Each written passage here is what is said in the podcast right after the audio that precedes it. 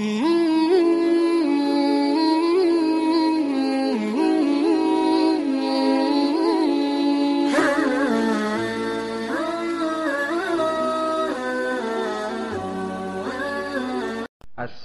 عليكم ورحمة الله وبركاته.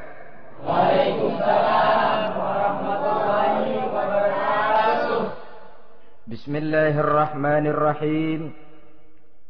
الحمد لله رب العالمين والصلاة والسلام على أشرف الأنبياء والمرسلين سيدنا ومولانا محمد وعلى آله وأصحابه المجاهدين الطاهرين أما بعد Saudara-saudara kaum muslimin rahimakumullah Pada pertemuan kali ini kita akan membicarakan riwayat Nabi Adam alaihi salam Nabi Adam diciptakan oleh Allah dari tanah dan merupakan manusia pertama serta bapa dari seluruh umat manusia. Pada saat Allah hendak menciptakan Nabi Adam, Allah berkata kepada malaikat, "Inni ja'ilun fil ardi khalifah." Aku akan menjadikan seorang khalifah di permukaan bumi. Malaikat dengan nada sedikit protes berkata,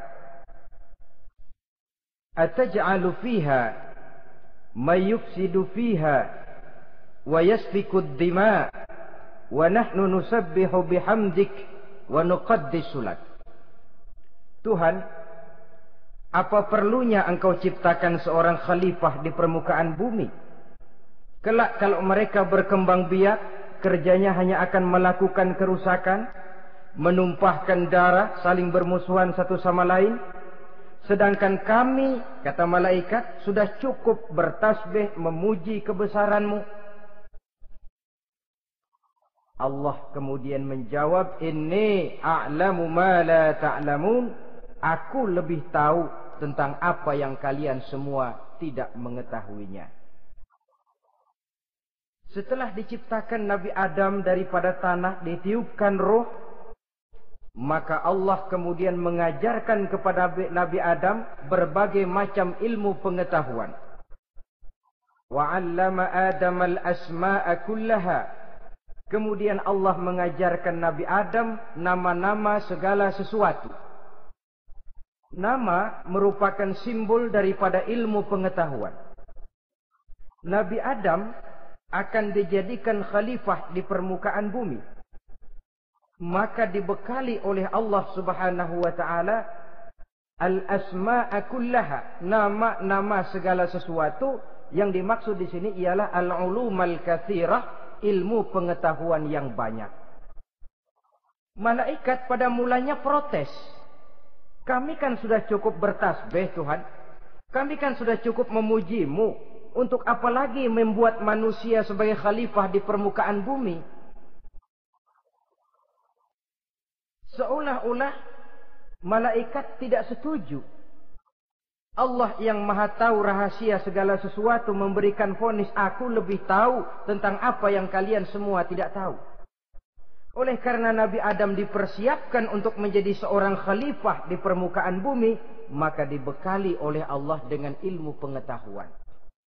Begitu Nabi Adam dan begitu kita. Karena bukan cuma Nabi Adam, kita pun oleh Allah dijadikan sebagai khalifah-khalifah di permukaan bumi ini. Yang nilai kekhalifahan kita bergantung kepada kondisi kita masing-masing. Ada orang yang menjadi khalifah level internasional, menjadi pemimpin dunia Islam. Ada orang menjadi khalifah level nasional saja. Ada khalifah tingkat kota saja. Ada khalifah tingkat kecamatan. Ada khalifah tingkat RW, RT. Sekurang-kurangnya khalifah untuk tingkat rumah tangga masing-masing tanpa membekali diri dengan ilmu pengetahuan, jangan berharap kita akan bisa melaksanakan tugas sebagai khalifah di permukaan bumi ini. Apa pun saja Nabi mengajarkan man arada dunya fa alaihi bil ilmi wa man arada al akhirata fa alaihi bil ilmi wa man aradahuma fa alaihi bil ilmi siapa yang menginginkan dunia harus dengan ilmu yang menginginkan akhirat juga harus dengan ilmu yang menginginkan dunia akhirat juga harus dengan ilmunya tanpa dasar ilmu maka manusia tidak akan bisa menjalankan tugas kekhalifahan. Setelah diajarkan Adam nama segala sesuatu, dikonfrontir, dihadapkan dengan malaikat. Hei malaikat, kalau tadi kamu bilang buat apa perlunya menciptakan khalifah? Nih bentuknya. Adam. Sekarang hei malaikat, coba kamu sebutkan nama segala sesuatu ini yang ada di sini ini. Malaikat berkata, Subhanaka la ilma lana illa ma'allamtana. Ya Allah, kami tidak punya ilmu, kami tidak tahu semua itu kecuali apa yang telah engkau ajarkan kepada kami. Kalau kamu tidak sanggup, Adam, sebutkan nama-nama semua itu. Adam menyebutkannya dengan lancar. Ketika itulah Allah memerintahkan malaikat untuk sujud kepada Nabi Adam alaihi salam. Sujud di sini bukan sujudul ibadah sebab sujud ibadah kepada yang selain Allah haram tapi sujud di sini sujudut tawadhu i'tirafan bi fadli Adam sujud merendahkan diri sebagai pengakuan terhadap keutamaan dan kelebihan Nabi Adam. Maka orang yang banyak ilmunya lebih utama dari orang yang hanya banyak ibadahnya. Bahkan iblis lebih takut kepada orang alim yang sedang tidur daripada orang goblok yang lagi ibadah. Model ini diceritakan dalam ihya'nya Imamul Ghazali. Iblis masuk ke masjid mau menggoda orang lagi sholat. Sudah masuk di pojok masjid dia lihat orang lagi tidur. Ngacir iblis keluar cepat benar. Pucat mukanya. Ketemu di jalan sama temannya Kenapa lari, Mas?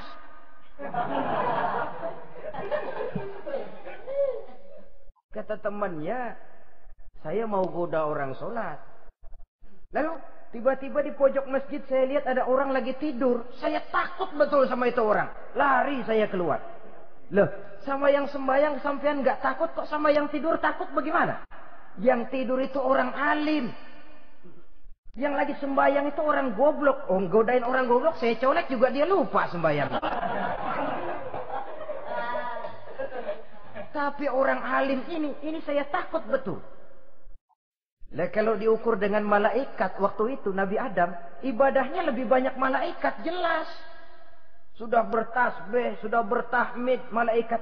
Nabi Adam baru diciptakan. Tapi kenapa Allah perintah malaikat sujud kepada Adam? I'tirafan bifadili Adam.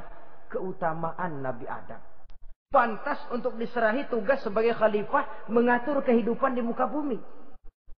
Kalau malaikat yang jadi khalifah di dunia ini nggak rame dunia. Coba malaikat material harta nggak perlu, seksual nggak perlu. Dunia ini hambar Justru dunia ini menjadi ramai setelah manusia diberikan fungsi sebagai malaikat sebagai khalifah oleh Allah Subhanahu wa taala. Saudara-saudara kaum muslimin rahimakumullah, setelah nyata kelebihan Nabi Adam, maka Allah perintahkan Nabi Adam tinggal di surga dengan segala kenikmatan yang ada di dalamnya. Tapi lantaran sendirian Kesepian Nabi Adam ini. Allah Maha Tahu, maka diciptakannya pasangannya yaitu Siti Hawa dari tulang rusuk yang sebelah kiri. Sehingga Nabi pernah pesan begini, Istausu bin nisa fa innahunna khuliqna min dhil'in. Hati-hati kamu ngadepi perempuan. Yang tolong dengar nih yang laki-laki. Yang perempuan belaga budak aja dulu lah. Hati-hati kamu ngadepi perempuan. Fa innahunna khuliqna min dhil'in karena perempuan diciptakan dari tulang rusuk sebelah kiri. Apa watak tulang rusuk? Tulang rusuk itu kan bengkok. Perempuan tuh begitu, didiemin aja bengkok terus, dikerasin patah.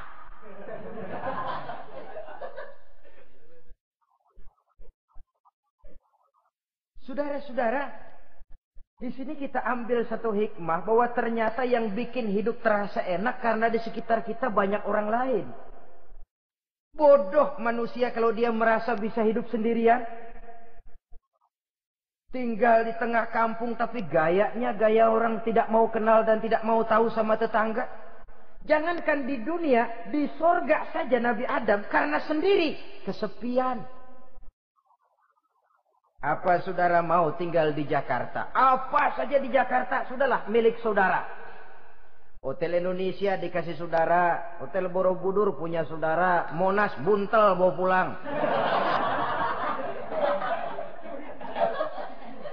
Semanggi ambil, tapi di Jakarta saudara tinggal sendirian. Kira-kira enak nggak? Ternyata yang bikin hidup terasa nikmat karena di sekitar kita banyak orang lain. Begitulah Allah ciptakan Siti Hawa. Setelah diciptakan Siti Hawa, natur manusiawi. Nabi Adam mau main pegang aja. Kata Allah, hai Adam, jangan kau sentuh sebelum kau bayar maharnya. Maharnya apa ya Allah?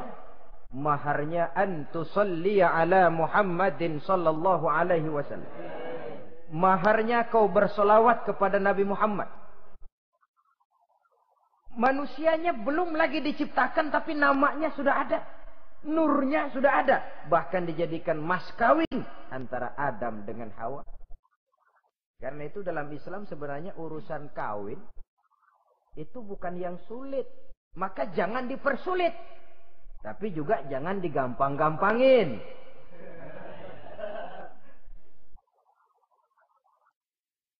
Artinya yang namanya mahar ini Walaupun cuma sebentuk cincin besi kalau orang sangat tidak mampu. Bahkan dengan mengajarkan fatihah saja sah sudah. Saya terima nikahnya Fulanah binti Fulan dengan mas kawinnya saya ajarkan dia surah fatihah. Kalau memang kere betul. Tidak punya apa pun. Sah sudah. Agama ini mudah. Karena itu jangan dipersulit. Tapi juga jangan digampang-gampangin. Setelah itu Allah memerintahkan Ya Adam uskun anta wa zawjukal jannah. Hai Adam, kau dan istrimu tinggallah dalam sorga. Wa kula minha ragadan haitsu syi'tuma. Segala makanan yang ada di dalamnya boleh kau makan. Pakaian yang aneka warna boleh kau pakai. Nikmati seluruh fasilitas yang ada di sorga ini. Cuma atuk aja dam. Yang lain boleh dah. Mau ngapa pakai atuk aja jangan. La taqraba hadhihi syajarah. Jangan kamu dekati pohon khuldi itu. Dekat saja jangan. Apalagi sampai metik. Jangan Adam. Saudara, ma'asyiral muslimin, itulah watak manusia. Kalau ada sepuluh persoalan yang sembilan boleh, yang satu tidak boleh, yang tidak boleh yang bikin dia penasaran. Gue pengen tahu ngapa kagak boleh sih timbul penasaran. Apalagi iblis selalu berusaha. Sebab pada waktu malaikat disuruh sujud. Semuanya sujud kepada Adam. Iblis tidak mau sujud. Tuhan tegur. Iblis. Kenapa kamu tidak mau sujud? Mana mungkin Tuhan. Saya akan dibikin dari api kata iblis. Adam dari tanah unsur api lebih mulia dari unsur tanah. Masa saya harus tunduk kepada Nabi Adam? Gengsi dong. Adam kan anak kemarin sore, baru dibikin. Masa saya harus tunduk kepada orang yang macam itu? Ini kan perintah aku iblis. Kalau kau tidak mau tunduk, keluar dari sorga ini. Terusir iblis dari sorga karena kesombongannya tidak mau sujud kepada Adam. Nah, logika kalau udah di sorga aja sombong diusir, Apalagi yang masih tinggal di pinggir kali, sombong.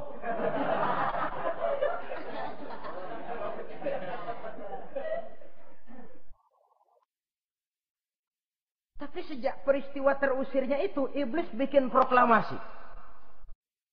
Apa proklamasi iblis? Rabbi fanzirni ila yaumi yub'asun. Ya Allah, gara-gara Adam saya diusir dari sorga.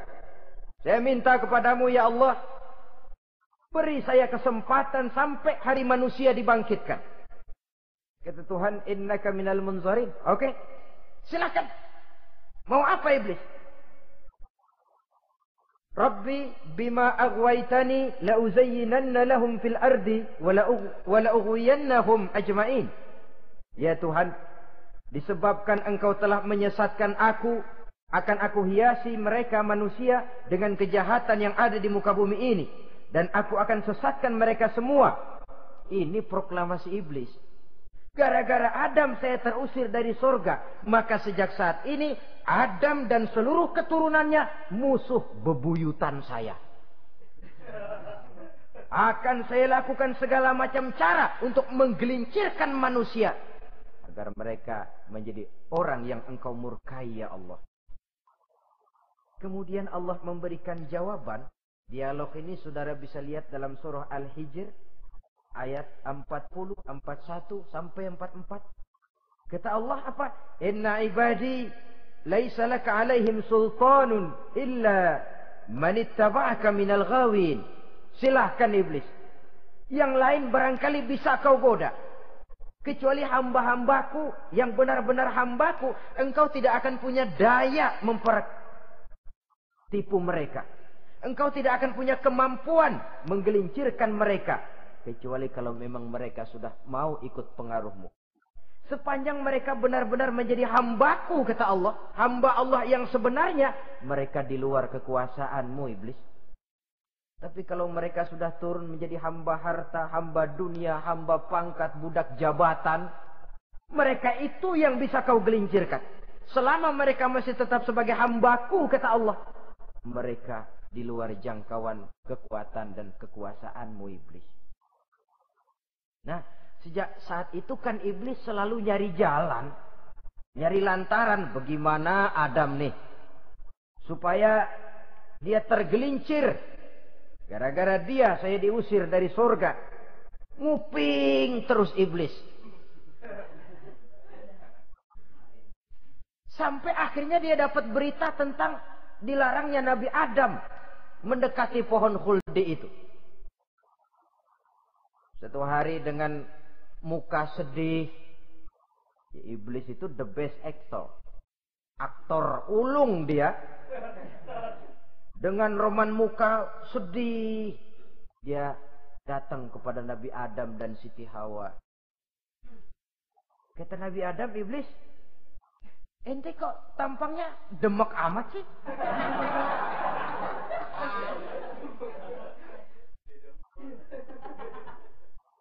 Kenapa begitu sedih?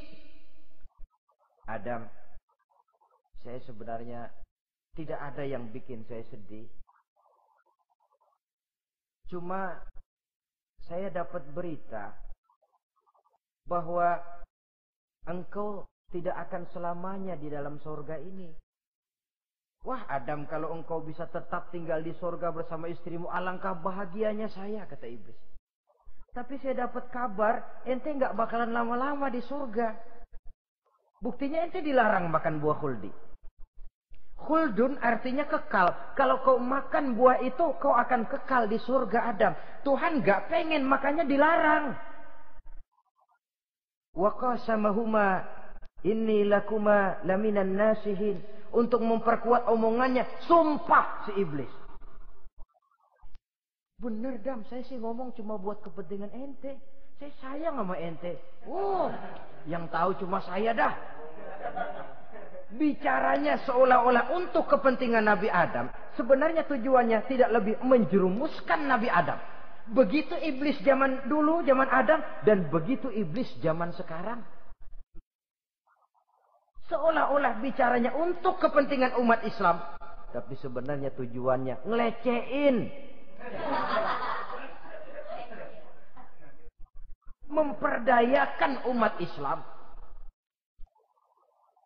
Dia bilang kepada Adam, saya sih cuma ngasih saran Adam, kalau ente pengen selamanya di surga, petik aja tuh buah. Pokoknya beres dah. Itu si Tuhan ngarang jaboongin doang lo. Supaya kau dan istrimu tidak lama-lama di surga, maka dilarangnya kau memakan buah kuldi itu. Udah, embat saja. Saudara-saudara, Tipu daya iblis ini bisa kita baca dalam surah Al-A'raf ayat 20 sampai ayat 22. Nabi Adam tergoda ditambah oleh bujuk rayu Siti Hawa. Nabi Adam yang setengah hati itu akhirnya terpancing betul. Sebab itu perempuan walaupun peranannya tidak begitu kelihatan tapi memang sangat menentukan. Tidak ada seorang suami bisa sukses jadi apa pun dia tanpa peran serta istrinya. Karena itu sebagai muslim kita punya teman hidup dan kita punya lawan hidup. Siapa teman hidup kita? Dalam arti sempit teman hidup kita istri. Kalau dia istri tentu suami yang taat kepada Allah dan Rasulnya. Dalam arti luas teman hidup kita ialah setiap muslim setiap orang yang pandangan hidupnya sama dengan kita. Itu teman hidup. Lalu lawan hidup kita siapa? Lawan hidup kita secara mutlak iblis dalam segala bentuknya. Iblis yang berbentuk halus ini ngusirnya ada lebih gampang. Konon ya iblis setan itu kalau dengar orang azan kan lari. Takut dia. Dibacakan bismillah, minggir. Yang sulit diusir ini iblis yang berbentuk manusia. Diazanin nyengir.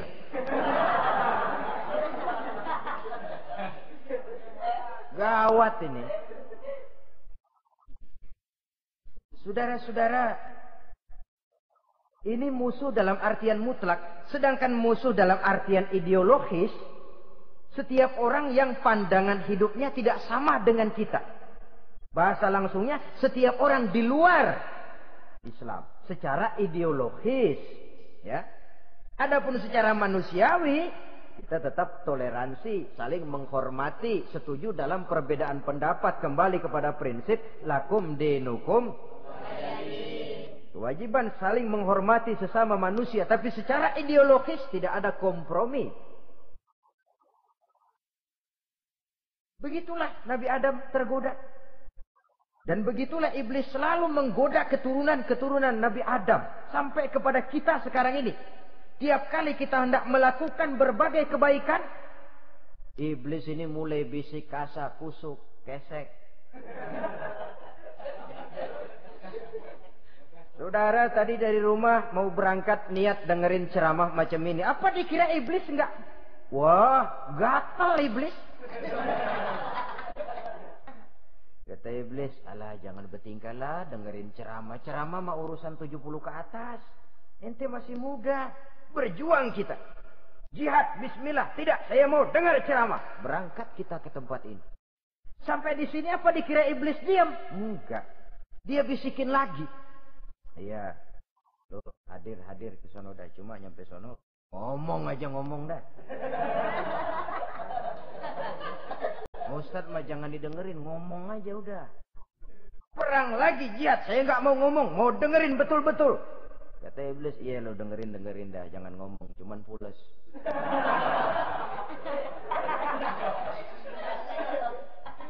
Segala macam cara dilakukan oleh iblis untuk menggelincirkan manusia. Ketika Nabi Adam mengambil buah kuldi itu datanglah murka Allah. Adam seolah-olah kalau bahasa kita kelewatan kamu Adam. Dari belum ada aku ciptakan kau. Barangkali kau merasa kesepian aku ciptakan Hawa. Aku tinggikan derajatmu dari malaikat sampai malaikat sujud kepadamu.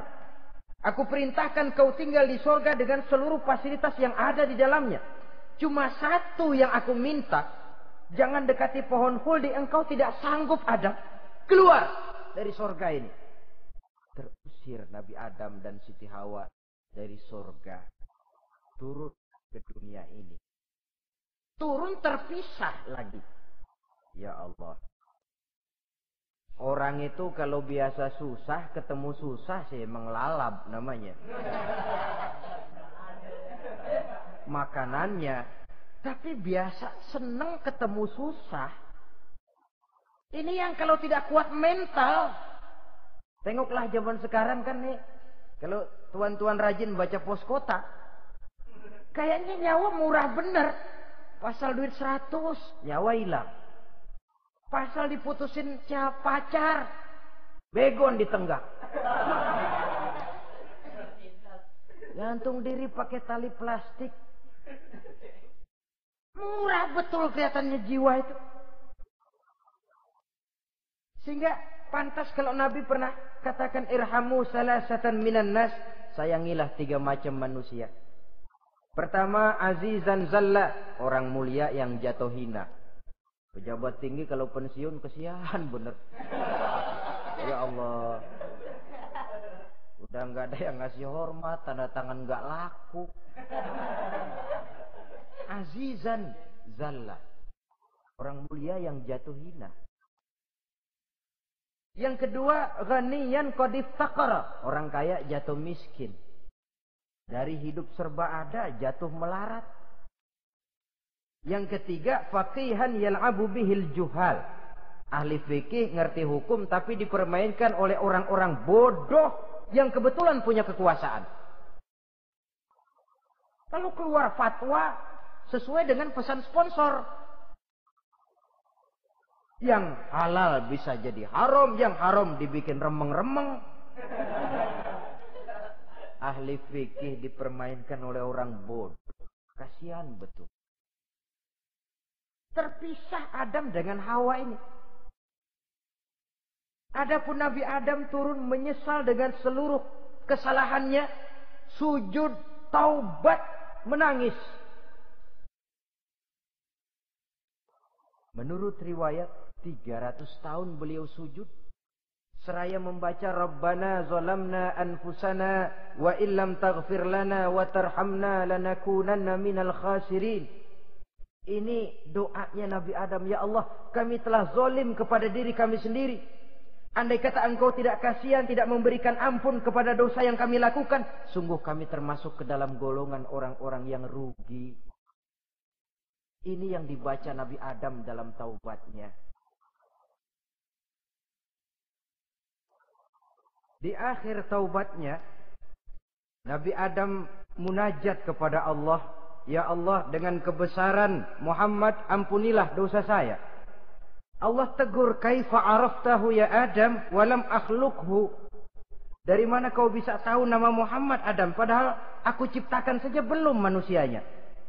Kata Nabi Adam, pertama ketika engkau ciptakan saya, engkau tiupkan ruh ke dalam jasad saya, terbuka mata saya, saya memandang ke bawah arasmu, di sana nampak dengan jelas tertulis di kaki arasmu. La ilaha illallah Muhammadur Rasulullah. Taulah saya bahwa Muhammad ini orang yang paling dekat dengan engkau ya Allah. Sampai namanya bergandengan dengan namamu di kaki arasmu. Yang kedua ketika saya hendak menyentuh hawa. Kau juga yang mengatakan jangan kau bayar maharnya. Sebelum kau bersolawat kepada beliau. Ini sajalah pembicaraan kita kali ini. Terima kasih banyak atas segala perhatian. Mohon maaf atas segala kekurangan. Usikum wa nafsi bitaqwallah. Aku qauli hadza. Wassalamualaikum warahmatullahi wabarakatuh. Waalaikumsalam warahmatullahi wabarakatuh.